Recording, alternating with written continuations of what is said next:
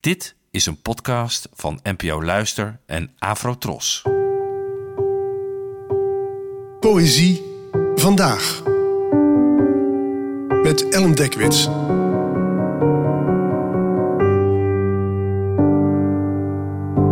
Hallo, fijn dat je luistert. Het gedicht van vandaag heet Dit is de dag en werd geschreven door de Surinaamse dichter Srinivasi, geboren in 1926 en gestorven in 2019. Dit is de dag. Dit is de dag die neergestreken bij blinkend blauwe vleugelslag vreugde ontsteekt in rode Angalampus, nabij de horizon van mijn verbijsterd hart. Wat een fijn vers. En voor degenen die niet diep in de botanie zitten of een abonnement hebben op de intratuin, een Angalampus is geen kat, maar een hibiscus. En dan het gedicht zelf. Ik denk dat het hier gaat om een soort opluchting.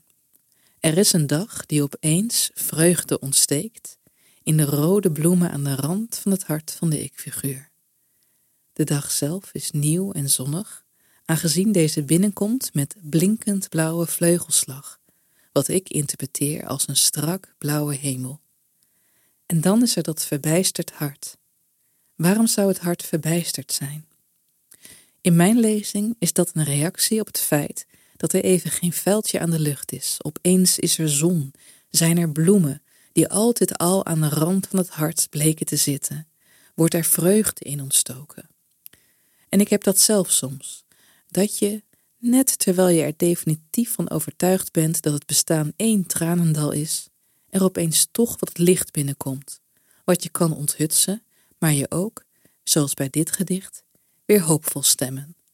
Bedankt voor het luisteren en tot de volgende keer. Afro Tros, de omroep voor ons.